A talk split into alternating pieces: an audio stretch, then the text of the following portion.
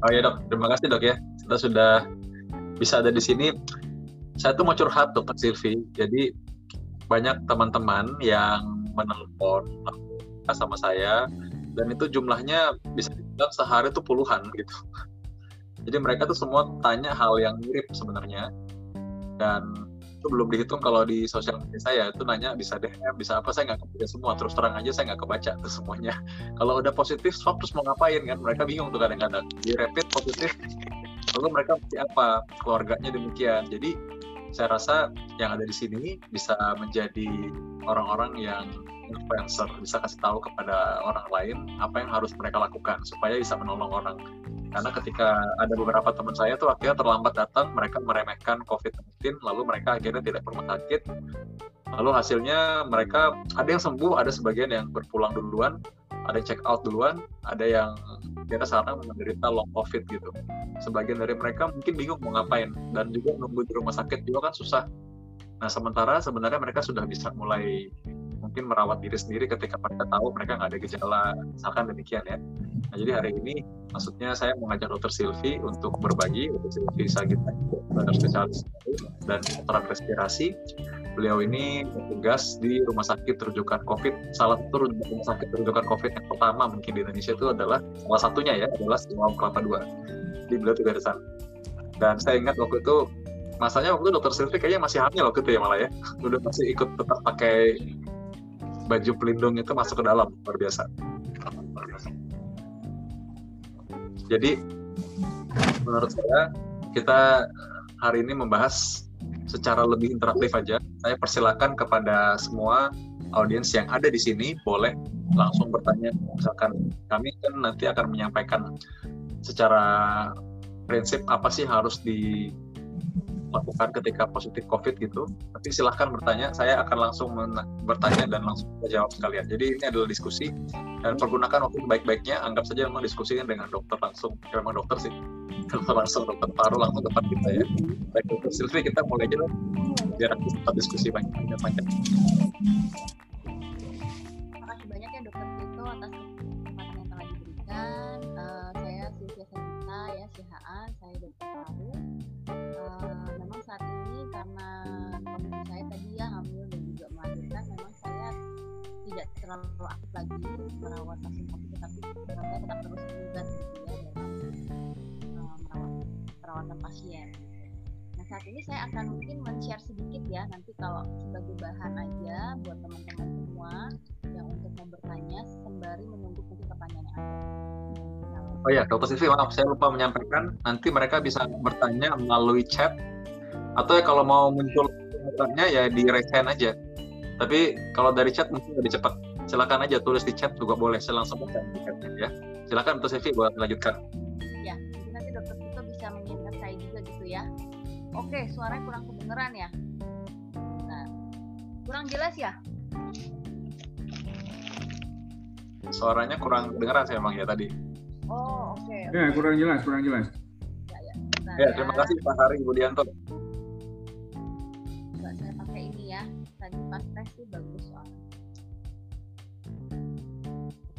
Itu saya coba share screen dulu ya. Ya.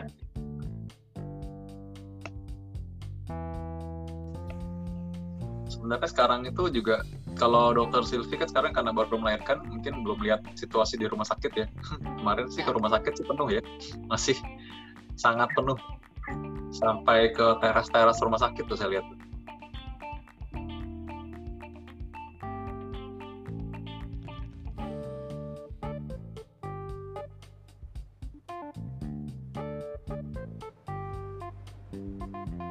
Nah, oke dok. Nah ini dia ini mungkin bagi orang yang punya keluarga atau teman yang sedang merawat COVID di rumah juga ya sangat berguna nih nanti. Kalau misalkan mereka kadang-kadang kan ketahuan positifnya gara-gara nggak sengaja, gara-gara mau pergi kerja, mungkin gara-gara mereka diwajibkan screening, nggak rasa apa-apa, lalu mereka kadang-kadang ada juga teman saya yang gara-gara pergi ke luar kota, jadi ketahuan ketika di swab malah atau yang umum di rumah sakit itu kebanyakan ketahuan gara-gara mereka mau operasi. Misalkan mau operasi sesuatu kan mereka mesti datang ke rumah sakit mesti nginep gitu. Kalau saya karena dokter jantung jadi ada yang mau karakterisasi baru ketahuan. Nah itu marah-marah tuh dia kadang-kadang karena nggak ngerti gitu. Kok bisa? Saya kan datang karena sakit jantung tiba-tiba kok covid? Nah itu dia. Padahal itulah gunanya kenapa ada screening gitu. Jadi ketahuan justru. Jangan sampai menularkan kepada pasien lain. Karena rawat rumah sakit itu di tempat rumah sakit kami memang kami bisa. Covid sama yang enggak kan yang covid itu dirawat di rumah sakit kelapa 2 rumah sakit lain yang dekat rumah sakit kita oke baik buku saku merawat covid-19 di rumah silakan dokter Sylvia Saya nggak dengar juga nih suaranya Dokter Sylvia. Sama, saya pikir belum ngomong. Kayaknya mungkin coba dibuka suara yang ini ya. Sambil diperbaiki ya. Ketika swab itu kadang-kadang mereka berharap itu false negatif ya. Padahal memang sebenarnya kalau misalkan kita tahu ya dari teknik menswabnya itu ya apalagi kalau dilakukan oleh ahli THT misalnya ya itu sulit sih kemungkinan dia false negatif ya. Sebenarnya kalau misalkan dia ketika sudah sampai di dalam dan hasilnya positif itu bisa dikatakan ya hampir pasti positif udah. Kecuali kalau negatif malah itu bisa aja. Jadi karena itu yang kita tahu mungkin hasil swab ini juga berpengaruh dari kapan kita melakukan kadang-kadang karena beberapa hari sebelumnya mungkin dia kenanya itu baru banget gitu jadi belum sempat muncul di hasil swabnya malah nah tapi kalau misalkan dia sudah melalui masa inkubasi. Nah, nanti baru ketahuan beberapa hari kemudian baru ketahuan. Nah, ada juga yang ketahuan kemarin itu gara-gara dia demam ya. Jadi demam, batuk-batuk, dia bilang kok batuk-batuk. Ini kisah nyata semua ya yang saya, ceritakan. Jadi batuk-batuk kok kadang-kadang dia bilang gatal sekali tenggorokannya ya. Nah, kadang-kadang tuh orang takut untuk swab. Nah, hanya kita kalau bilang swab, mereka takut, mereka pikir oh ini berlebihan Padahal sebenarnya kita lakukan adalah bagaimana supaya tidak menulari keluarga yang lain. Karena akhirnya ketika mereka tes, sekeluarga kena semua. Dokter Sylvia udah kembali? Belum? Sudah bisa? Belum kedengaran loh? Dok, suaranya masih masuk. Tes? Tes? Nah, sekarang udah. Oke, ya udah ya, saya nggak apa. Ya, silakan. Ya. Eh, sudah kembali. Silakan untuk Sylvia lanjutkan ya. Oke, jadi apa yang harus saya lakukan jika swabnya PCR-nya positif ya?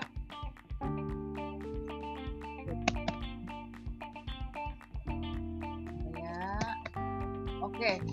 Kalau memang nanti uh, tetap ya sebisa mungkin ke fasilitas kesehatan supaya tahu ya kira-kira ini derajatnya apa. Nah, kan ada lima ya derajatnya. Yang pertama apakah orang tanpa gejala? Ya biasanya itu kita dapetinnya dia dari screening kontak erat atau dia yang gejalanya ringan. Ya, atau dia gejalanya sedang, gejalanya berat atau gejala kritis ya. Jadi kalau memang pasien yang dengan tanpa gejala atau memang gejalanya ringan, kita bisa e, melakukan isolasi mandiri ya setelah diputuskan oleh e, tenaga kesehatan ya. Nah, apa sih yang dipersiapkan ya jika misalnya itu e, harus isolasi mandiri ya?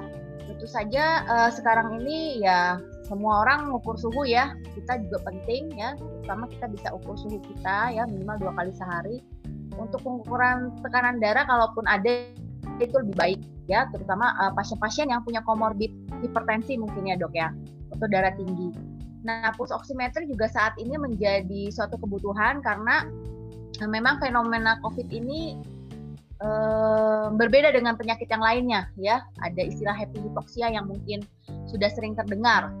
Jadi pulse oximetry itu untuk mendeteksi kadar saturasi oksigen di dalam darah kita dengan hanya menempelkan alat seperti ini kita bisa tahu ya. Dan juga uh, bisa sekalian tahu denyut jantung kita berapa.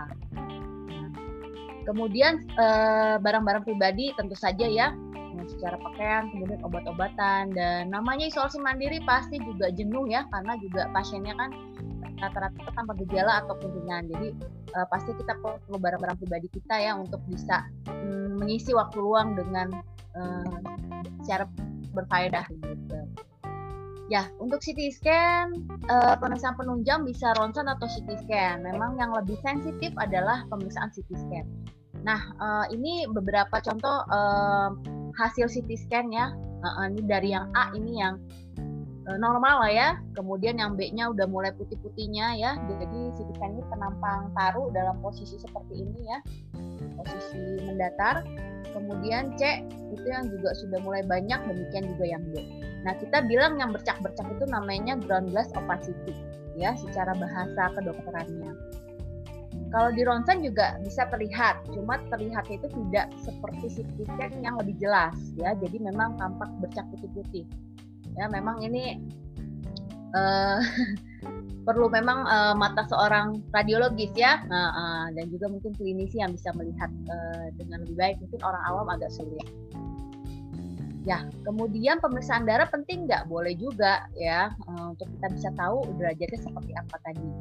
Ya gitu. Jadi kira-kira ini bisa dibaca ya. Mungkin uh, edukasi secara keseluruhan aja yang selalu kita dengarkan uh, bagaimana kalau kita bisa uh, saat isolasi mandiri perawatan di rumah apa aja ya oke okay.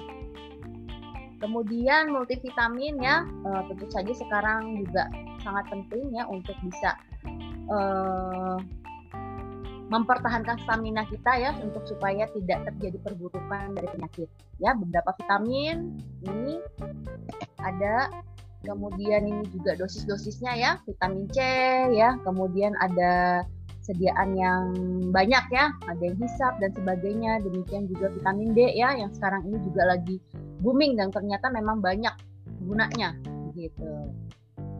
Oke, nah pada pasien yang e, gejala sedang, apalagi berat ya, dan juga kritis tentu saja harus dilakukan perawatan di rumah sakit. Obat-obatannya banyak. Yang pertama ya karena ini penyebabnya virus ya berarti kita kasih antivirus dan antibiotik Nah, sebenarnya ini uh, kita pertimbangkan karena ada antibiotik yang bersifat antiinflamasi atau memang kalau misalnya ada kecurigaan infeksi sekunder baru memang kita diberikan. Dan sesuai dengan rekomendasi dari dokter saja. Oke, silakan saya kembalikan lagi yuk ke dokter Tito. Monggo dok. Ya, Dokter Silvi, ini banyak yang nanya udah dari tadi. Jadi yang pertama, mungkin saya ada sih beberapa pertanyaan saya screening sebentar karena kita supaya nyambung bicaranya. Tadi dari awal dulu deh. Kalau orang itu di swab ya, sebaiknya berapa hari sih setelah mungkin dia curiga dia kontak kan kadang-kadang nyadar tuh dia bilang wah dapat kabar nih kemarin ketemu siapa kontak positif ternyata nah sekarang saya perlu swab kapan baru ketemunya kemarin gitu kapan sih kira-kira orang tuh yang tepatnya swab ketika setelah kontak atau mungkin masa inkubasi berapa lama gitu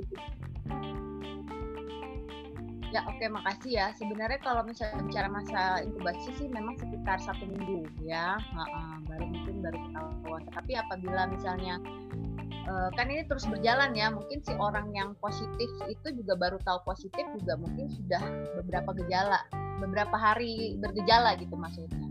Jadi minimal kalau memang dia baru tahu ya minimal dia hari ketiganya, ya hari ketiganya dia bisa lakukan uh, PCR-nya. Seperti itu dok. Kalau misalnya orangnya udah keburu demam duluan, misalkan dia tahu nih, kan ada juga yang ketemu, kayaknya saya demam nih, atau sekarang saya udah bergejala nih, kayaknya tenggorokan serak nih, udah tahu, udah sering dengar kalau ini kayaknya gejala COVID. Nah, sebaiknya apa langsung PCR, apa nunggu kapan?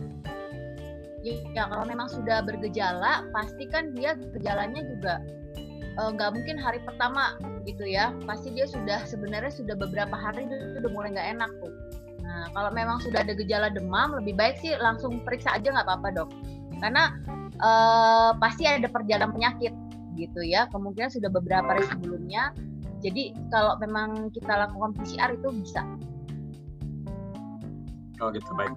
Ya, tadi kalau udah ada gejala penyakit maka langsung PCR bisa ya. Ini bagi audiens ini supaya mereka jelas juga. Kalau mereka curiga ketemu kontak kemarin, soalnya kan ah, saya kemarin ketemu orang yang positif, dan mereka saat ini nggak ada gejala mereka nunggu seminggu dulu gitu. Minimal tiga hari dok sejak paling tiga hari. iya. Uh-uh. tiga hari dok. Sekarang kita melangkah ke selanjutnya nih ya. Sambil saya bacakan supaya urut pertanyaannya kan udah agak agak ini ya ada bervariasi tapi saya akan jawab saya akan jawab semuanya dengan Dr. Silvi. Nah sekarang kita urutan nih orang sekarang udah tahu anggap aja dia positif nih sekarang Nah, kan salah satu orang bisa masuk di router itu salah satunya syaratnya mereka bisa tahu kalau dia gejala anggaplah moderate gitu, sedang gitu ya. Nah, mereka apakah selalu harus di CT scan apa enggak, Dok? Kan kadang-kadang mereka bilang apa udahlah di rumah aja deh udah tahu kayak gini gitu kan. Jangan-jangan nanti takutnya happy hipoksi ya tadi dokter sebut-sebut juga. Jadi kapan mereka harus pesan tunjang gitu, Dok, kalau kita tahu mereka positif? Ya, sebisa mungkin sebenarnya yang menentukan derajatnya itu adalah tenaga kesehatan ya. Jadi kalau memang misalnya dia positif, ya sedapat mungkin dia pergi ke uh, fasilitas kesehatan. Ya, entah kalau memang puskesmas yang terdekat ya puskesmas ataupun klinik. Karena di situ minimal kan nanti diperiksa TTV ya atau tanda-tanda vitalnya ya, apakah memang uh, sudah mulai terjadi uh, gangguan atau perubahan dari tanda-tanda vital seperti tensi, seperti denyut nadi, kemudian frekuensi nafas, ya suhunya seperti apa dan juga diperiksa yaitu saturasi oksigennya. Mungkin kan nggak semua orang punya gitu ya. Jadi kalau memang ada tanda-tanda seperti itu, ya pastinya kalau misalnya dia di fasilitas kesehatan primer nanti uh, bisa dirujuk ke rumah sakit. Atau memang langsung datang ke rumah sakit boleh. Nanti di situ kita screening ya, screening pemeriksaan penunjang, bisa ronsen. Kalau memang sensitif sekali ya berarti CT scan ya. CT scan itu bisa mendeteksi bahkan hari kedua gejala gitu. Makanya di awal-awal dulu dibilang CT scan itu lebih sensitif daripada PCR gitu. Seperti itu dok Baik ini sekaligus menjawab pertanyaan dari beberapa orang yang bertanya ya. Dia bilang kenapa saya di CT scan ada GGO padahal ketika di swab awalnya masih negatif. Jadi memang bisa begitu demikian ya dok? Ya, jadi tetap uh, swab meskipun dia merupakan uh, gold standar ya, tetapi tetap kita harus melihat klinis dok. Uh, uh, kalau memang klinisnya sudah ada uh, GGO yang memang tipikal ya ke arah viral ya, jadi kita uh, juga uh, banyak kolaborasi dengan radiologi ya. Uh, kalau memang seperti itu meskipun swabnya negatif kita tetap curiga nih gitu karena kan uh, swab itu juga banyak sekali ya uh, kelemahannya gitu ya atau sensitivitasnya misalnya cuma dari hidung aja itu sebenarnya hanya 65% dibandingkan dengan uh, sekret yang di daerah saluran nafas bagian bawah. Kemudian teknik pengambilannya juga tentu saja itu berpengaruh alat dan sebagainya. Jadi tetap berdasarkan klinis dulu dok. Kalau memang kita yakin klinisnya ke arah COVID, meskipun swabnya saat itu masih negatif, ya kita tetap uh, edukasi bahwa kecurigaan COVID-nya tetap besar. Baik, ini ada pertanyaan dari sini ya. Saya lihat lagi pertanyaan yang lain.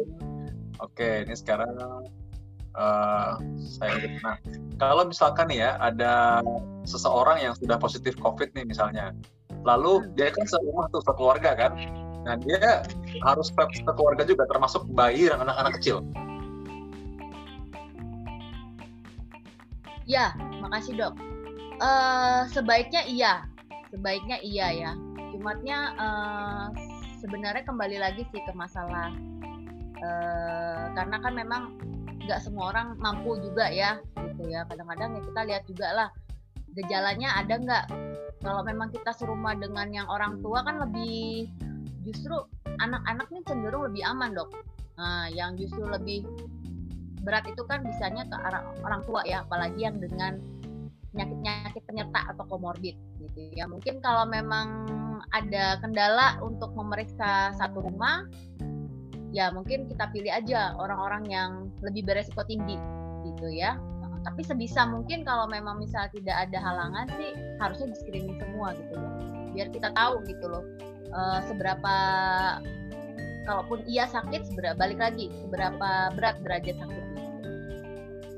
Terapinya nah, bisa disesuaikan sesuaikan ya, ya, ya. Baik. Memang ini repot kadang-kadang gini ya. Jadi kadang-kadang tuh orang mikir, waduh nih kalau sampai saya positif, anaknya yang ngerawat siapa? Bingung kan? Kadang-kadang gitu. Nah sekarang mereka harus dipisah berarti ya. Kalau misalkan orang tuanya positif, kalau orang tuanya nggak bergejala, apakah harus dipisah juga?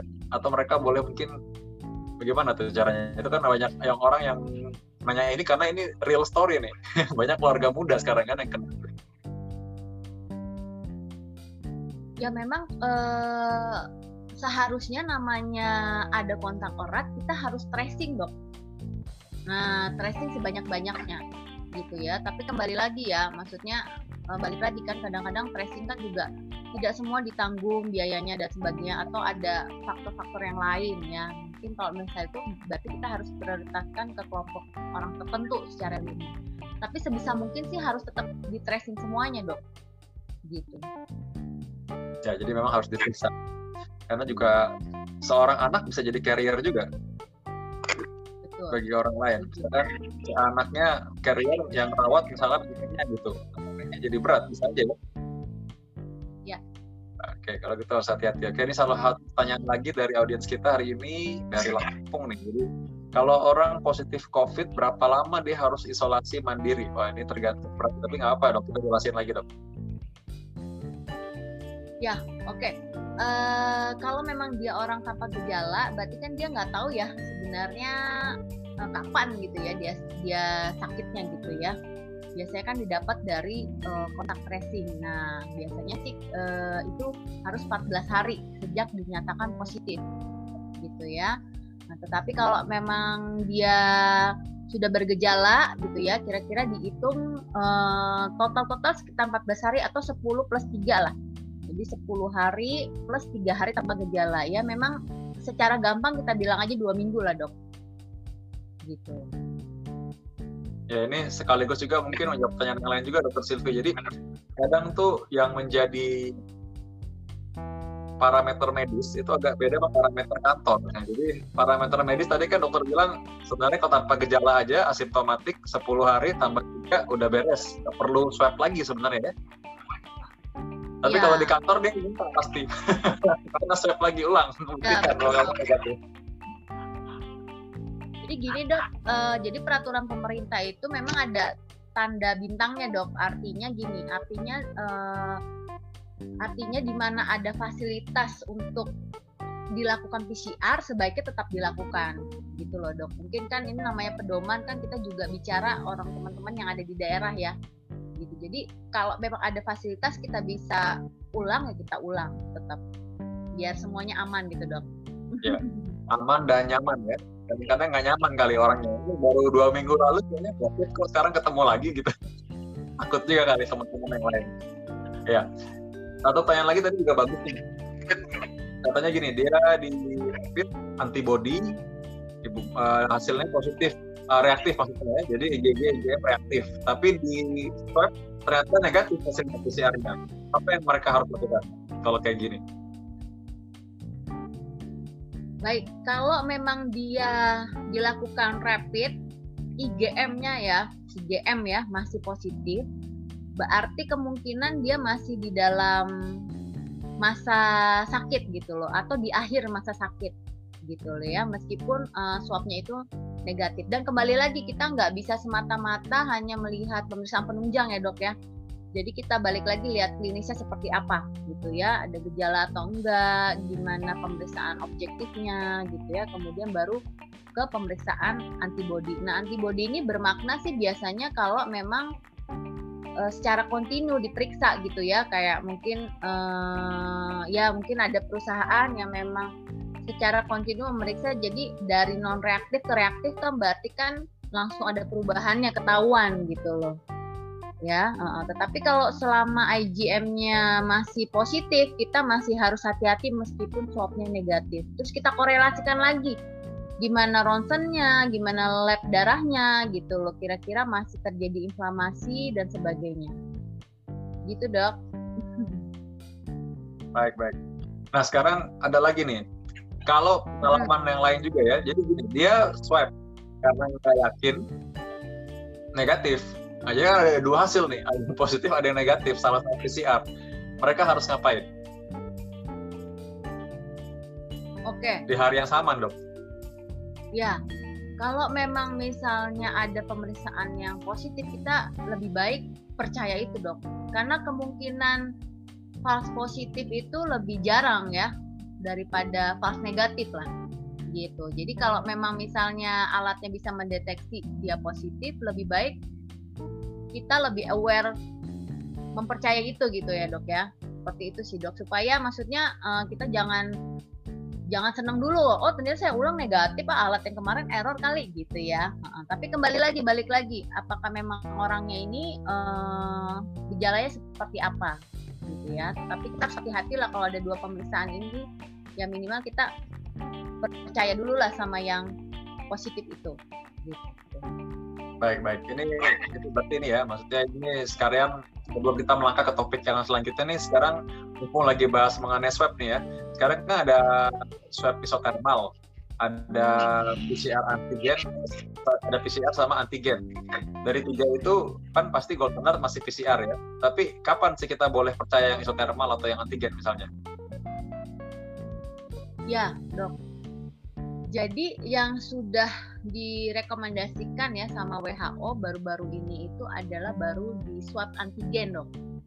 Nah, jadi kalau memang swab antigennya positif, balik lagi ya, ada gejala, itu kita anggap dia tetap confirm gitu ya tapi tetap gold standard balik lagi betul yang dokter bilang itu adalah uh, apa tuh namanya swab PCR ya gold standard aktif PCR.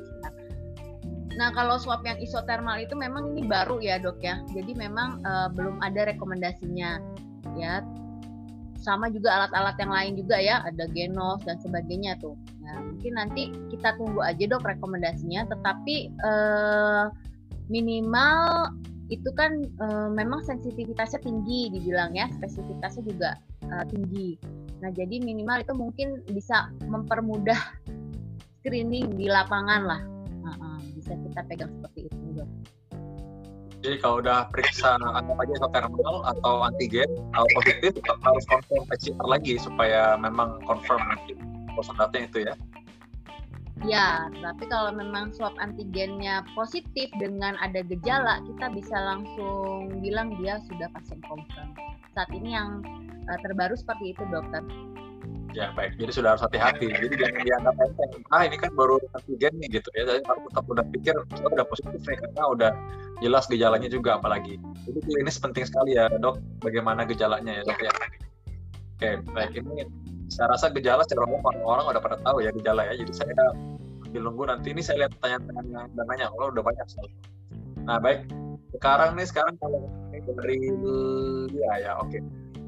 Eh, Mbak Lia nanya nih katanya ada nggak tips khusus? Oh ini vaksin tapi vaksin tapi oke okay lah vaksin lagi nanti dibicarakan. Ya.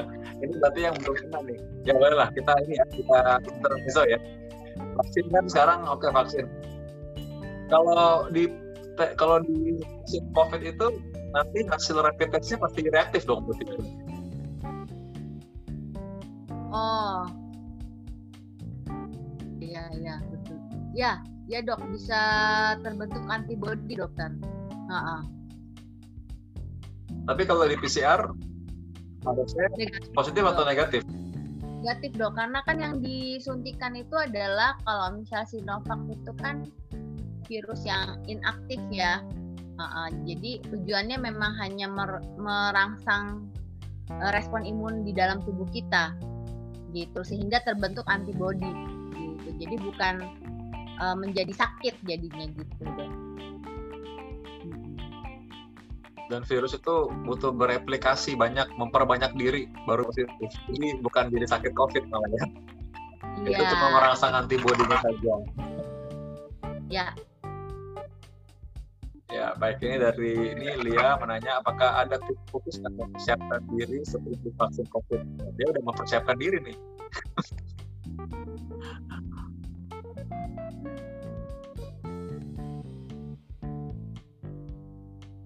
ya, halo. Tips khusus mempersiapkan diri. Ya, silakan ya. untuk mempersiapkan diri sebelum vaksin COVID. Ya, jadi memang uh, kita harus tahu dulu ya apakah kita memang uh, kandidat prioritas dari vaksin ini atau bukan. Ya, apakah kita memang punya penyakit penyerta atau tidak. Kemudian usia kita di 18 sampai 59 tahun, ya. Nah, uh, kalau khusus untuk penderita asma ataupun penderita PPOK ya, PPOK itu adalah penyakit paru obstruktif kronik, ya Nah, itu kita pastikan tidak dalam kondisi eksaserbasi. Ya, karena kalau misalnya dia dalam kondisi kumat atau eksaserbasi ya lagi sesak napas gitu, biasanya kita tunda lakukan uh, vaksinnya. Kemudian kalau demam juga suhu di atas 37 setengah itu pasti kita nggak lakukan vaksin. Nah, satu lagi juga uh, apakah kita uh, juga sedang mengalami infeksi terutama TBC ya, TBC yang aktif gitu. Tahu-tahu misalnya kandidat vaksinnya penderita TB ya berarti juga yang belum diobati ya berarti kita juga tidak lakukan di situ. Jadi uh, tip khususnya sih memenuhi kriteria dulu gitu ya dan saat itu pasien dalam kondisi fit gitu kandidatnya sorry bukan pasien begitu dok. Ya. Nih kalau kalian nih karena Dokter Silvi kan lihat mengenai respirasi juga kalau pasien-pasien asma atau PPOK gimana sekarang? Apanya nih dok? Gimana ya dok? Divaksin. Kalau pasien mau divaksin tapi dia ada asma atau dia karena dulu perokok gitu kan takut PPOK apakah mereka boleh divaksin apa enggak? Boleh dok, boleh asal tidak dalam kondisi kumat dok. Hmm, yeah. Boleh. Kalau misalnya dia kondisinya stabil, aman-aman, tertangani dengan terkontrol dengan obat-obatannya, itu boleh boleh ikut vaksin. Baik, udah jelas ya. ya ini bagi semua yang pasti di kepalanya banyak yang nanya juga nih. Uh, audiens yeah. yang di sini. Lalu apa yang diperhatikan setelah divaksin COVID? kan masuk KIPI atau kejadian pasca imunisasi. Ya sekarang sih katanya cuma dikit ya, cuma berapa orang tuh kemarin yang lapor? 28 orang kalau salah tadi saya baca. Silakan dok, apa sih yang mesti diperhatikan kalau vaksin COVID? Efek samping mungkin yang biasa terjadi? Ya, sementara ini sih um, yang telah dilaporkan untuk Sinovac ya itu hanya efek samping yang ringan atau lokal ya, misalnya nyeri ya atau misalnya ada kemerahan kulitnya dan sebagainya sih.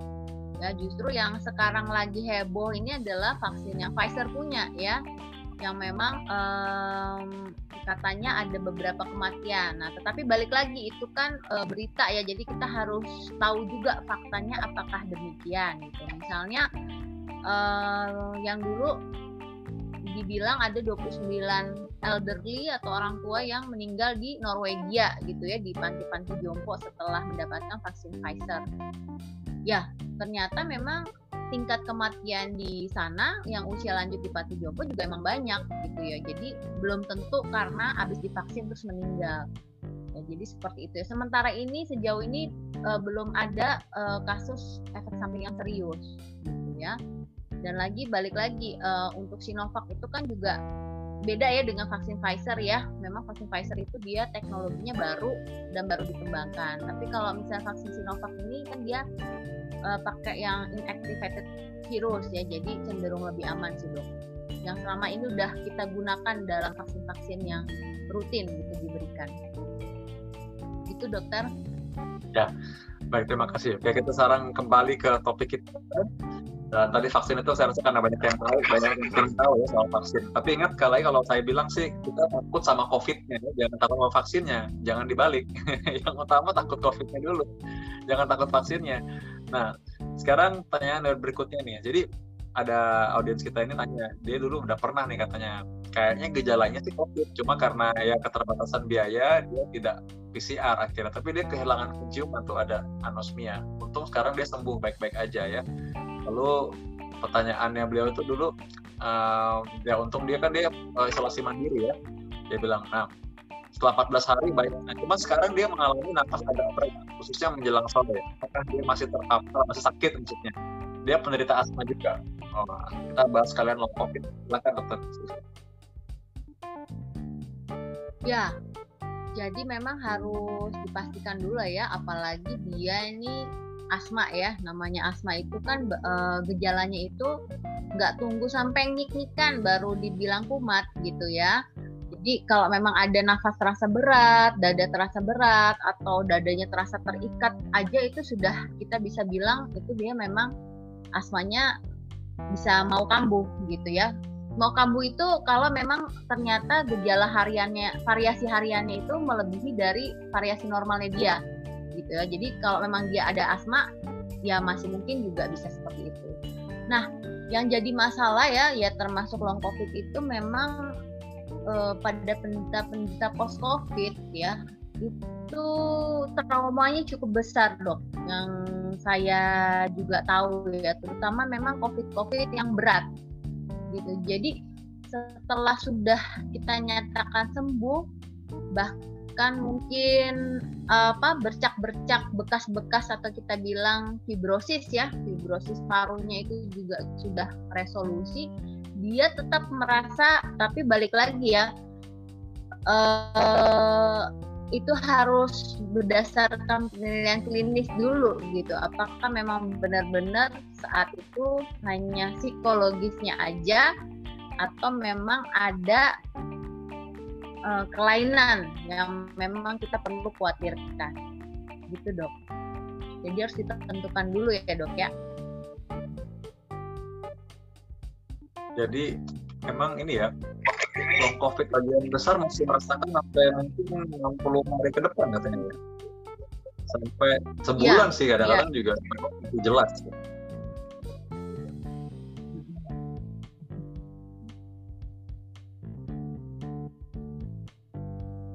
Iya ya, ini dokter Sylvia atau saya ya. ya. Baik. Agak sinyalnya kurang tapi nggak apa. Teruskan aja dokter Sylvia pasti akan ke kita. Sudah kembali ya? Iya dok. Sudah dok. Sudah ya, oke. Tadi sempat agak diem para penggemarnya soalnya. ya. Makanya sih kan pertanyaannya nyambung soalnya sama yang berikutnya tadi makanya pertanyaan yang saya lengkapin sebentar karena nyambung teknik. Jadi anosmia menjadi salah satu gejala Nah, Ibu Nenek nanya, mana cara memulihkan indera penciuman berkurang? Ya dok, awal-awal untuk anosmia memang kita kerjasama juga ya sama dokter THT ya, karena kan memang uh, saluran nafas atas itu memang dipegang sama THT juga ya, dan juga kita sih ya. Nah biasanya itu uh, memang uh, tergantung derajat kerusakannya. Karena memang biasanya itu yang dirusak adalah sarafnya dok. Gitu ya. Nah uh, jadi biasanya gitu ya. Nah kemudian kembali lagi. Yang paling uh, baik adalah untuk rehabilitasi penciumannya. Misalnya ada uh, melatih mencium sesuatu ya misalnya minyak kayu putih seperti itu. Jadi kita rangsang lagi saraf-sarafnya itu untuk bisa beregenerasi supaya anosmianya menjadi perbaikan. Benar sampai berbulan-bulan gitu baru kembali. Cukurnya sih memang bisa kembali meskipun uh, balik lagi waktunya bisa berbeda-beda. Gitu dong baik. Jadi sabar ya ibu neneng. Saya harap bisa sembuh kembali ya anosmianya ya. Jadi kembali bisa menghirup bau. Ini hmm, nah kalau ini satu kendala yang mungkin praktikal banget nih dokter. Jadi sekeluarga mungkin covid lalu mereka isolasi mandiri di kamar berbeda. Tapi kamar mandinya bareng gitu. Atau kamar toiletnya boleh seperti itu ya uh, sebenarnya uh, sebisa mungkin sih kalau memang misalnya semuanya itu sedang dalam isolasi mandiri yang memang kira-kira dia waktunya itu sama ya. Ya jadi kita harus mengetahui juga kira-kira waktu infeksinya sama nggak gitu ya. Kalau memang misalnya waktu infeksinya sama ya mau nggak mau ya nggak apa-apa gitu ya. Tetapi tetap setelah mungkin mandi ya mungkin dibersihkan juga gitu ya. Kira-kira sesuatu barang-barang yang memang uh, kita sering pegang gitu ya.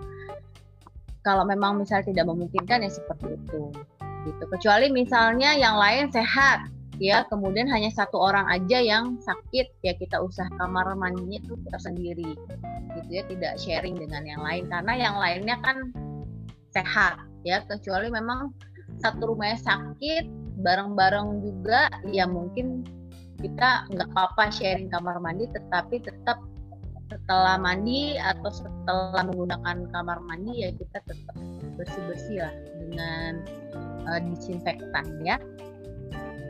Gitu dok. Ya baik baik. Ya memang jadi memang kadang-kadang kalau kan semua kamar mandinya satu rumah ada tiga kamar ya memang benar-benar ini memiliki dampak lain. Ya, baik dok. Ini ada pertanyaan dari salah satu audiens kita juga. Kalau hasil cek ada tulisan CT gen N dan CT gen E, ada angkanya. Ini artinya apa sebenarnya? Dan harusnya di angka berapa sih? Yang kedua, setelah sembuh, taruh apa benar?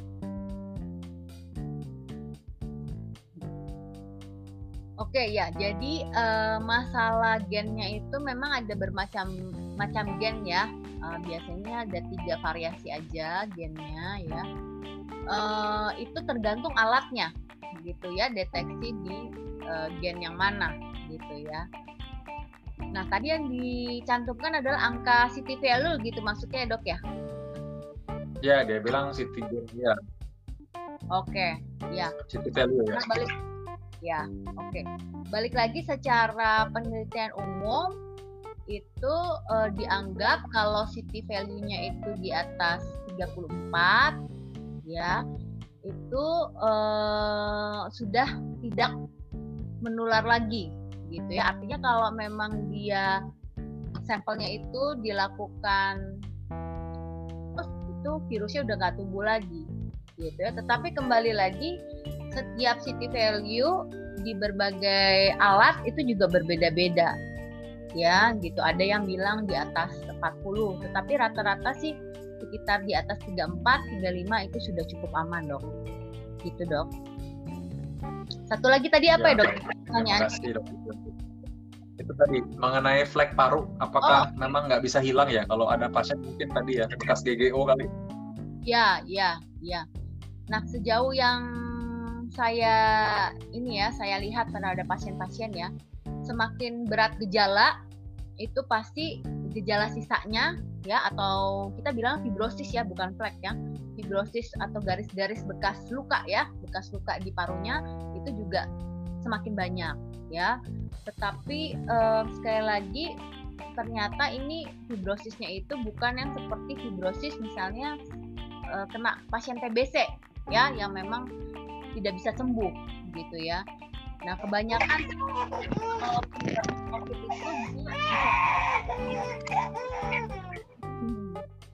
ya bisa beresolusi. Jadi pelan-pelan dia bisa hilang fibrosisnya.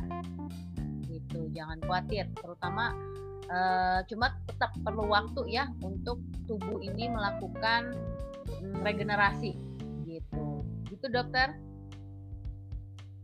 uh, apa tuh yang bisa diusahakan buat orang-orang yang tadi punya kadang-kadang emang begitu dibilang oh nih kayaknya ada bekasnya nih COVID-nya ya. kadang-kadang mereka kan takut ya apa yang bisa dilakukan dok untuk itu Ya, biasanya memang kita lakukan tambahan terapi ya dok ya. Misalnya um, pemberian antiinflamasi, kemudian pemberian antioksidan ya selama 1 sampai 3 bulan nanti kita evaluasi. Dan rata-rata sih uh, pasien yang seperti itu sudah semakin hari semakin banyak berkurangnya. Buktinya apa? Buktinya nanti misalnya uh, setelah minimal sebulan ya kita berikan terapi, kita ronsen lagi itu dia bekas-bekasnya sudah makin tipis dan makin tipis. Dan juga itu akan berkorelasi dengan klinisnya. Jadi dia semakin sudah tidak ada keluhan lagi gitu. Atau keluhannya sudah semakin membaik. Begitu, Dok. Ya, baik. Terima kasih ya. Kalau selain tadi antioksidan dan antiinflamasi, vitamin apa sih sebenarnya ini diulang lagi nggak apa-apa sih ya, karena banyak orang yang mungkin pasti pengen tahu juga vitamin apa sih yang diberikan pada orang-orang COVID dok sebenarnya? Ya, uh, vitamin ya. Kalau untuk vitamin yang pertama itu vitamin C, ya, uh, vitamin C. Kemudian uh, yang sekarang juga banyak marak itu vitamin D, ya gitu. Tadi kan sudah kita share ya kira-kira berapa dosisnya gitu ya uh, yang memang kita butuhkan. Ya, kalau untuk masalah merek vitamin tertentu sih sebenarnya bebas ya dok ya, uh, bebas. Uh, kemudian misalnya kalau misalnya pasien-pasien yang berat juga kita tambahkan juga multivitamin yang lain, misalnya vitamin B, vitamin E dan sebagainya. Gitu. Intinya sih itu untuk uh, sebagai terapi suportif aja sih, ya bukan terapi utamanya dok gitu. Dan memang sejauh ini juga kan kita belum benar-benar temukan obatnya ya. Nah, jadi memang apa yang bisa kita berikan ya kita berikan. Gitu. ya banyak makan buah banyak sayur vitamin D vitamin E tadi ya. vitamin C terutama tadi ya. Silahkan aja. Bagi mudah-mudahan ada yang tadi ada yang cepat cepat baik kembali. Nah ini berikutnya kalau misalkan sudah uh, dinyatakan positif di screening, lalu dinyatakan cukup isolasi mandiri di rumah. Kapan harus cek PCR kedua? Ya, kalau dari saya sih setelah uh, selesai isolasi, Dok. Ya, jadi uh, sekitar dua minggu itu dokter atau paling cepat banget 10 hari setelah uh, dia lakukan isolasi gitu dokter ya baik jadi nggak perlu selalu tiap tiga hari kadang-kadang kan ada keluarga yang pengen cek lagi ulang pengen tahu nih udah perbaikan belum gitu. Ada loh itu ya pasien yang kayak gitu. Nggak perlu sebenarnya ya kecepatan kecuali kalau perburukan kali dokter. Apa gimana dokter? Paling cepat juga paling seminggu ya dok ya. Satu minggu lah. Kalau memang misalnya benar-benar penasaran ya. Memang kadang-kadang bisa dipahami dan bisa dimaklumi ya. Ada beberapa tipe pasien yang menurut saya. Ada yang parno banget gitu ya. Ada yang ya. ada yang cuek banget. Nah, yang parno banget itu kadang-kadang dikit-dikit minta diperiksa. Padahal mungkin belum saatnya diperiksa. Ya. Jadi memang memang bisa dilihat bahwa memang kalau Dr. Silvi setuju nggak kalau memang pendapat bahwa secara psikis juga secara mental seorang yang kena covid ini sangat dipengaruhi ya, mesti sangat berpengaruh dampaknya gitu. Betul betul. Betul saya rasa juga semua penyakit juga ya dok ya, psikis juga iya. bisa yeah. memperberat juga ya dok ya. Yeah. Maksudnya ini mereka udah sendirian kan 14 hari mungkin dari takut lihat-lihat berita di koran lagi, udah gitu ada sana sini ada berita kalau minum ini sembuh minum ini sembuh dia makin gelisah tuh dibandingin sama dia mungkin karena takutnya demikian maksudnya jadi harus tenang aja ya relax ya harus pas pada dan tenang nah baik yang berikutnya hmm, kalau hasil PCR positif bagaimana sedangkan klasik kalau mengetahui secara umum nih klasifikasi ringan sedang berat tanda tandanya apa dokter secara umum tuh bisa dilihat oke ya jadi kalau misalnya ringan itu berarti dia nggak nggak ada sesak nafas, ya itu aja dulu. Ya meskipun ada gejala demam, batuk gitu ya, tetapi sama sekali nggak ada gejala sesak nafasnya. Kemudian kalau dicek saturasinya juga masih bagus, ya. Kalau dia udah sedang, berarti saturasinya itu udah mulai uh, di bawah 93% dok. Ya kira-kira seperti itu sih dok gampangnya. Kalau misalnya berat ya berarti udah uh, lebih berat lagi apalagi kritis yang butuh ICU ya tetapi uh, mungkin secara awamnya itu kali ya dok ya. Jadi makanya saturasi oksigen itu merupakan uh, tanda yang juga penting gitu ya. Artinya kalau misalnya dia gejalanya saja sudah mulai sedang berarti kan dia sudah mulai butuh uh, suplementasi alat oksigen Nah, berarti dari gejala sedang itu pasien harus uh, usahakan kita lakukan rawat inap deh, karena masih mungkin terjadi progresivitas penyakit ya, terutama kalau dia masih di minggu-minggu pertama itu dia progresnya berarti kan masih bisa berlanjut ya sampai ke uh, minggu kedua. Begitu dokter. Baik, terima kasih. Ini sekaligus menjawab tadi pertanyaan dari Riksa Restuning ya, salah satu audiens kita bahwa apakah benar kalau pakai oximeter dengan nilai di atas 90 bisa isolasi mandiri di rumah. Jadi batasnya bukan 90 sebenarnya ya. Iya, Dok. Bukan 90, Dok. 93 ya, aja kita sudah was-was. Iya, Dok. Baik, terima kasih Dokter Silvi. Ya, lalu ya. berikutnya ini dari langkah preventif ya, karena hmm, untuk isolasi mandiri satu rumah dengan pasien OTG. Kira-kira gimana? Apa yang boleh, apa yang enggak? Ini pertanyaan dari Rahmat Harman Pulungan ya. Langkah preventif untuk isolasi mandiri satu rumah dengan pasien OTG. Oh berarti maksudnya bareng-bareng nih sama-sama COVID gitu ya, tapi OTG gitu. Apa yang boleh, apa yang enggak? Apa yang boleh apa yang enggak ya? Tipsnya maksudnya apa mereka saat pisah kamar gitu kan tapi oh. apa mereka alat makan sih pasti dipisah lah ya harusnya ya. Baik-baiknya sih sebenarnya tadi dokter Silvi udah terangin juga sih sebenarnya ya. Kalau memang ya. pakai WC bareng ya dibersihin dulu ya. Ya ya.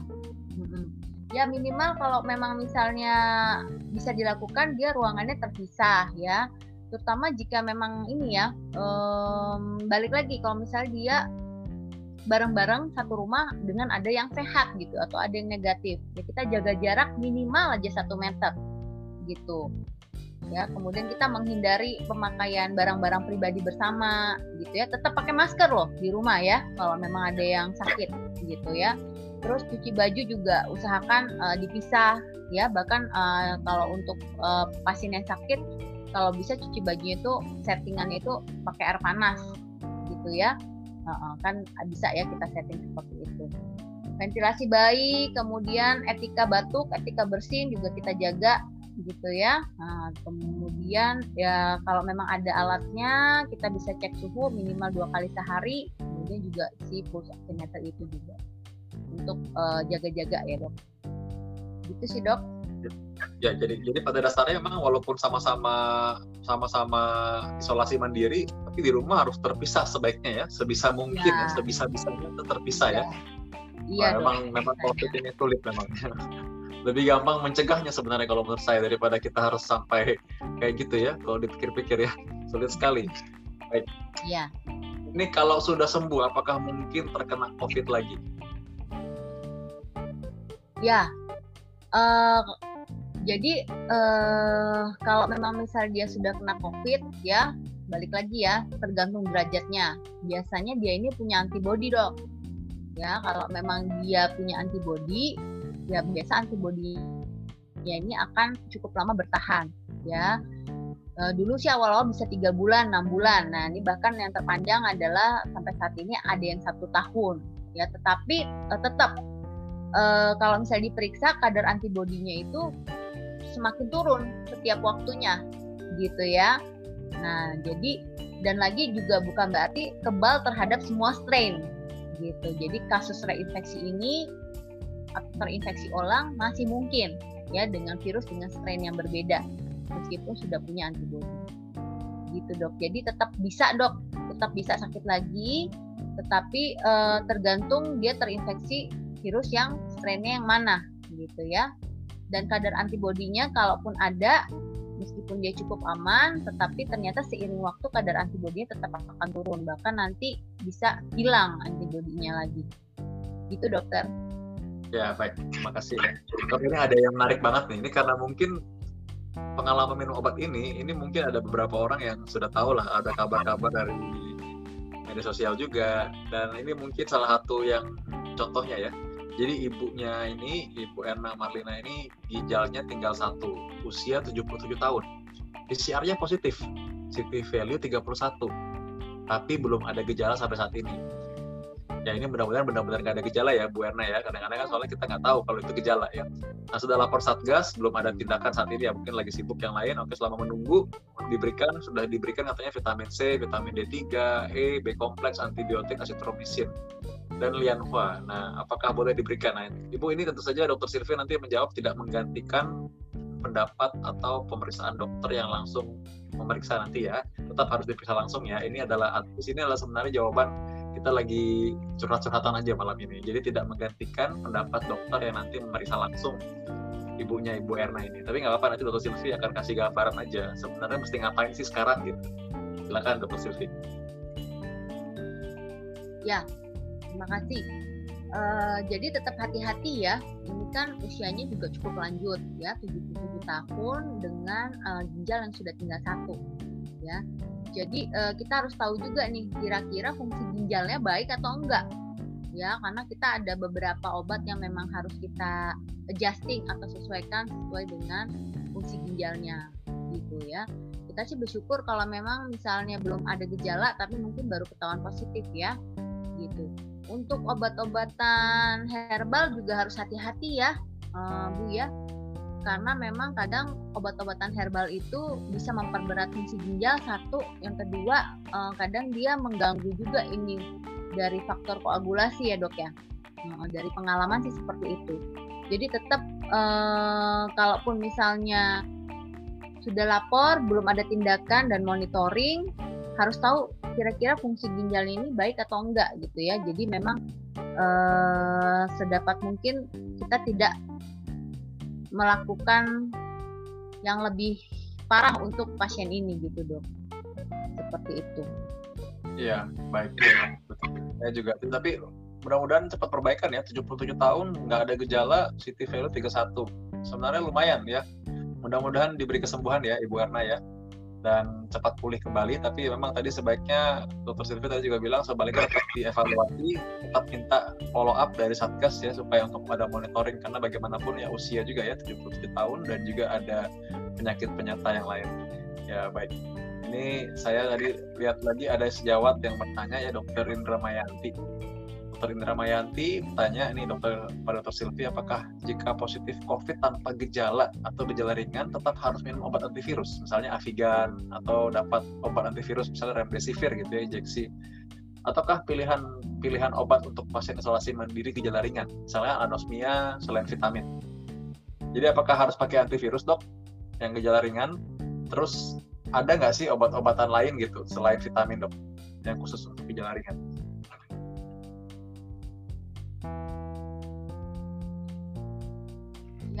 Kalau misalnya dia gejalanya ringan, kalau misalnya dia tanpa gejala, dia bisa pakai uh, suportif aja ya untuk vitamin dan sebagainya. Tapi kalau memang sudah mulai ada gejala ringan, itu rekomendasi antivirusnya sampai saat ini dua ya antara oseltamivir atau avigan karena kan e, obatnya kan oral ya gitu. Meskipun memang e, oseltamivir ini ya sebenarnya dia bu buat virus influenza gitu ya jadi memang uh, untuk antivirus yang lain sih kayak misalnya Aluvia itu sudah tidak direkomendasikan lagi.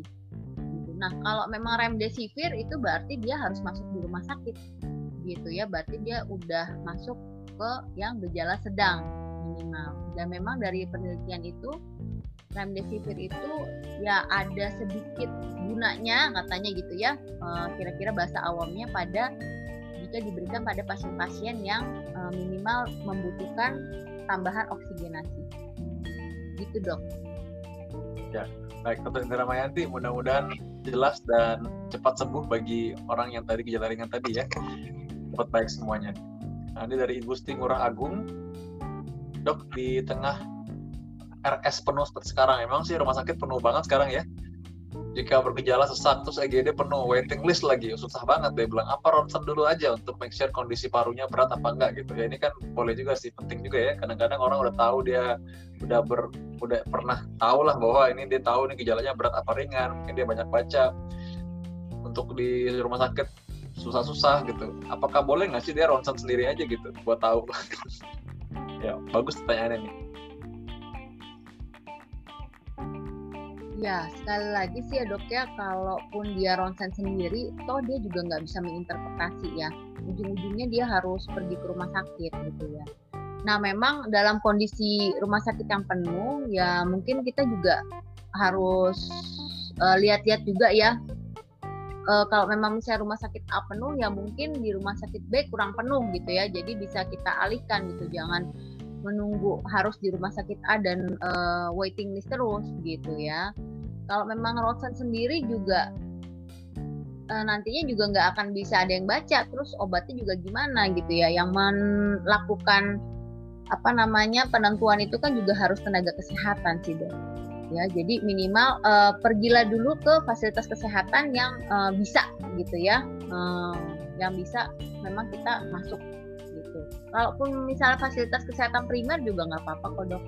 Gitu meskipun nanti balik lagi ya akan ada tahapannya lagi gitu atau harus dirujuk dan sebagainya. Itu loh dok. Ya baik terima kasih. Memang iya sih memang dok. Memang sekarang ini kadang-kadang memang ya memang kita bisa mengerti juga ya kadang di masyarakat itu kalut bingung begitu tadi begitu tahu covid aja kan pasti mau ke RS juga penuh juga. Pulang ke rumah takut nularin keluarga. Jadi ya kadang-kadang ya tentu saja pemikiran seperti ini pasti ada wajar sekali mereka berpikir seperti ini. Terima kasih pertanyaannya yang bagus. Kayak buat ke Gusti Ngurah Agung Dedi ya. Berikutnya ini dari Gladys Sarasidi Ida Ijaya. Oh, dari Ida Ijaya silakan. Malam dok. Izin bertanya kalau periksa IgG kuantitatif saat COVID sehabis vaksin kapan baiknya? Oh ini mungkin yang udah divaksin kali ya dua minggu atau empat minggu habis vaksin kalau mau vaksin apakah boleh jarak vaksin kedua ke empat minggu? Ya nggak apa-apa lah dijawab. Ini sebenarnya sih agak dini tapi nggak apa-apa. Jawab aja deh boleh. Deh habis vaksin periksa IgG kuantitatif. Ya. baik Gladi di Jaya. Silakan untuk Silvi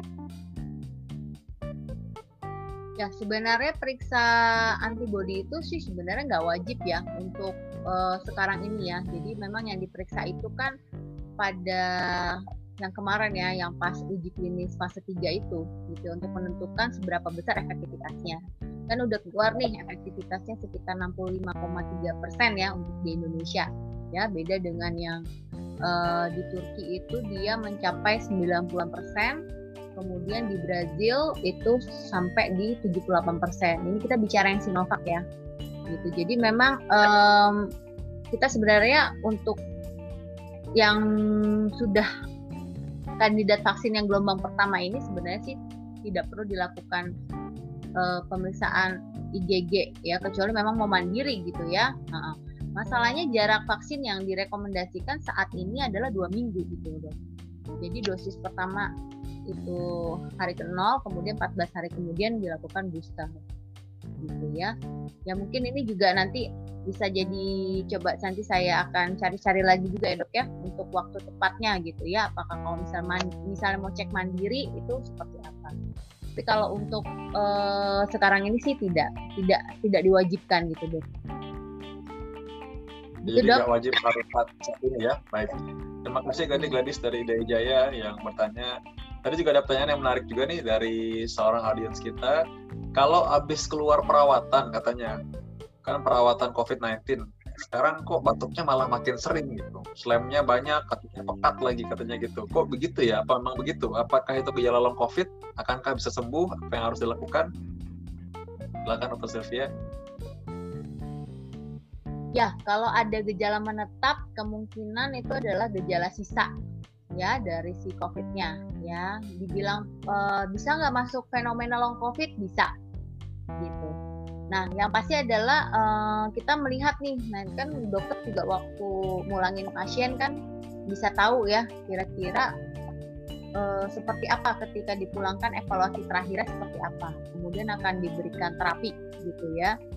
Uh, terapinya memang selama ada biasanya nih ya, gampangnya selama ada bercak-bercak di paru, kemungkinan itu masih bisa ada keluhannya gitu ya batuk-batuk tadi dan sebagainya. Nanti kalau seiring dengan bercak-bercak di parunya itu atau fibrosisnya itu semakin hilang keluhannya juga akan semakin hilang. Nah selama ada keluhan diobatin nggak? Ya diobatin boleh gitu ya karena kan itu akan mengganggu aktivitas kita juga ya gitu. Seperti itu sih dok. Ya baik. Dan kalau ada fibrosis itu perlu di treatment memang ya. Maksudnya ada nggak sih bahayanya kalau nggak dikasih treatment fibrosis itu? Tadi yang dokter cerita. Ya memang yang kita kan belum tahu ya karena ini penyakit baru ya. Uh, jadi kita sih tetap tidak berharap uh, fibrosis itu menetap ataupun kalaupun ada dan juga cukup luas bisa cepat-cepat segera resolusi ya karena mengingat juga itu akan berpengaruh kepada uh, keluhannya ya atau misalnya berpengaruh terhadap uh, performanya atau misalnya kita pikirkan gimana nih untuk ke depannya gitu ya jadi kalau bisa sih kita lakukan tetap treatment, dok. Seperti tadi ya, kita akan berikan uh, dosis antiinflamasi dan juga dosis antioksidan. Gitu baru kita akan evaluasi lagi. Baik, itu ya, kalau ada penyakit tahu ada penyakit pasti harusnya kita treat supaya tujuannya tidak menjadi permanen ya karena walaupun kita nggak tahu nih penyakit baru kan masa dibiarin aja ya pastinya harusnya baiknya diterapi lah pasti sebisa mungkin yang kita tahu Baik, dokter ini ada pertanyaan dari salah satu audiens kita mengenai penyakit jantung bawaan, boleh vaksin apa enggak? Saya izin jawab aja dok ya, kasihan dokter Silvi napas bentar deh. Kalau penyakit jantung bawaan memang belum ada sih pernah penelitian jantung bawaan. Wajar aja ya karena pasti yang dibuat trial buat penelitian itu pasti orang sehat dulu dong. Masa jantung bawaan dikasih? Dan sekarang kan saat ini memang juga dikasih untuk orang yang sehat dulu. Untuk jantung bawaan sebenarnya sih sebenarnya ya secara teori kemarin Perkis sudah mengeluarkan pernyataan kalau ada gagal jantung atau lemah jantung itu kalau stabil dalam tiga bulan terakhir itu sebenarnya layak divaksin. Tapi ada tapinya nih. Ini kan sekarang kan untuk pengaturan pemberian vaksin itu kan ada aturannya ya. Saat ini memang kita tidak mengambil risiko dan saya rasa saat ini sejauh ini sih untuk yang punya kelainan tubuh khusus gitu sebaiknya jangan dulu deh ya. Jadi karena memang toh juga nggak akan dikasih juga. Jujur aja sama apa yang kita punya kan ada yang mesti diisi. Jujur saja dulu apa yang kita punya karena soalnya kan kita mau safety first. Jadi aman dulu pertama kali. Jadi karena itu untuk saat ini memang apabila punya jantung bawaan, saya lihat terakhir sih dari petunjuk teknis belum diberikan sih vaksin untuk orang populasi seperti itu. Juga orang yang diabetes dan lain-lain akan perlu penilaian deh. Menurut saya Anda mesti jujur dan minta evaluasi dari dokter Anda. Apa yang bisa Anda lakukan? Ya walaupun secara teori harusnya secara teori katanya ya vaksin ini kan secara teori aja tidak menyebabkan kelainan gangguan secara sistem tubuh kita kan. Mestinya sih gitu ya tidak bikin sakit covid. Jadi mestinya sih harusnya aman. Namun demikian tentu saja semua ingin seaman mungkin. Jadi kalau punya kelainan khusus, Anda punya diabetes, Anda punya hipertensi, Anda punya gagal jantung, ya sebaiknya Anda periksa dulu ya. Jadi artinya biarkan evaluasi secara individual orang per orang, orang per orang nanti evaluasinya dan dokter Anda akan harus jujur kepada dokter Anda apa yang harus Anda lakukan, apakah boleh vaksin apa enggak. Karena kondisi orang pun beda, sama-sama diabetes, tapi satu terkontrol, satu nggak terkontrol, pasti lain lagi. Nah, begitu sementara ini. Dokter Silvi mau tambahin dok? Cukup sih dok. Cukup. Baik baik ya nah sekarang um, ini bagi orang yang ini ya orang yang terkena covid itu masih harus divaksin apa enggak? Ya dok. Uh, intinya ya. kalau lagi ya ini kan masalah prioritas. Jadi saat ini untuk yang survivor covid itu belum masuk ke kandidat vaksin. Nantinya gimana? Nantinya kita berharap sih memang vaksin ini bisa semua diberikan. Karena uh, seperti saya bilang ya antibody kan intinya kan kita kan untuk menciptakan antibody ya kalau memang dia sudah terinfeksi covid berarti kan dia sudah uh, terstimulasi secara natural gitu bukan secara buatan dari vaksin ini gitu. Jadi sebenarnya kan udah sama-sama punya antibody gitu ya tetapi balik lagi antibodinya kan nilainya akan terus turun seiring dengan waktu gitu ya jadi untuk uh, prioritas saat ini tidak kita lakukan ya. Jadi memang kita lakukan kriteria eksklusi bagi uh, para penyintas atau survivor COVID. Tapi uh, ada nggak wacana untuk diberikan? Ada dong, gitu ya. Jadi kita tetap berharap nantinya kalau sudah uh, ketersediaan vaksinnya sudah banyak, itu pasti juga akan uh, dilakukan penyuntikan. Jadi sabar aja dulu ya, uh -uh. karena kan tenang aja kalian juga sudah punya antibody gitu ya. Iya, sabar, sabar, sabar. Kita bagi kepada yang lain ya, supaya senasil sepenanggungan semua sama-sama bebas dari pandemi ya. Sayangkan vialnya ya, karena Anda kan masih punya kekebalan sekarang. Baik. Dok, ini bagi orang yang sudah sembuh dari COVID, nah kita jangan sampai kita membuat orang tuh jadi kayak biang virus ya, takutnya ada, ada sanksi sosial buat mereka. Sebenarnya ini mungkin gini, uh, bagaimana sih kita mesti bilang apa nih orang-orang yang setelah survivor COVID ini, yang penyintas COVID, mereka nggak menularkan lagi atau mereka gimana gimana caranya support supaya nggak dapat tanggung sosial dari masyarakat? Ya, ya sebenarnya balik lagi ya ke dalam diri kita masing-masing lah ya, bahwa uh, COVID ini tuh tidak lihat orang gitu ya. Orang bisa aja kena gitu loh. Mau yang muda mau yang tua gitu ya. Mau yang orang kaya atau orang miskin gitu ya. Jadi uh, covid ini bisa kena untuk siapa aja gitu ya. Jadi ketika memang misalnya sudah menjadi survivor covid ya berarti ya dia bersyukur ya. Sudah uh, maksudnya sudah pernah kena kemudian dia sembuh dia punya antibody ya harusnya uh, dia justru bisa lebih lebih tahu lagi nggak betapa nggak enaknya gitu sakit covid gitu ya. Dan mudah-mudahan kita sih orang-orang yang cukup cerdas ya karena memang kasus juga semakin meningkat jadi bisa kena siapa aja. Jadi kepada yang sakit ya kita justru harus memberikan uh, semangat gitu ya semangat yang positif. Bahkan ketika dia sudah sembuh juga ya kita harus kembali menerima. Ini kan juga bukan penyakit yang uh, yang menularnya kan ini hanya sementara gitu ya. Begitu dia sembuh ya, ya sudah dia sama seperti kita gitu loh. Tetapi tetap hati-hati ya tetap waspada ya tetap gitu sih. Ya baik. Jadi mereka sudah sembuh harusnya nggak menularkan lagi tapi ya waspada sama-sama ya tetap pakai masker untuk saat ini ya sampai saat ini selesai ya baik Dokter Silvi, terima kasih ya sudah menjawab pertanyaan-pertanyaan ini yang ada sekarang. Terima kasih banyak Dokter Silvi meluangkan waktu. Dokter Silvi juga padahal sedang mengasuh anak juga. Dokter Silvi ini hebat kali loh. Saya ingat waktu itu perutnya masih gede, udah gede banget, masih aja visit pasiennya punya waktu itu. Itu pakai hazmat apa nggak panas ya? Saya bilang itu pakai perutnya yang segede gitu. Terima kasih Silvi. Semoga anak juga ya. sehat selalu juga ya. Terima kasih banyak waktunya buat kita. Terima kasih buat anaknya ya. Sudah merelakan ibunya sama-sama kita. Baik dok uh, ini tadi juga yang berikutnya lagi. Saya terima kasih juga karena janjinya satu jam tetapi atau Silvi karena baik hati jadi dilebihin sama untuk Silvi barusan ini. Udah lebih dari sejam karena saking serunya. Baik ya. Terima kasih semua yang ikut hadir sama-sama. Saya persilakan untuk foto. Kalau mau foto aja ya. Silahkan kalau mau foto. Boleh dibuka kamera sesaat kalau mau foto ya nama dokter Silvi yang baik hati saat ini saya hitung ya satu dua tiga Satu, dua, tiga. Satu, dua, tiga.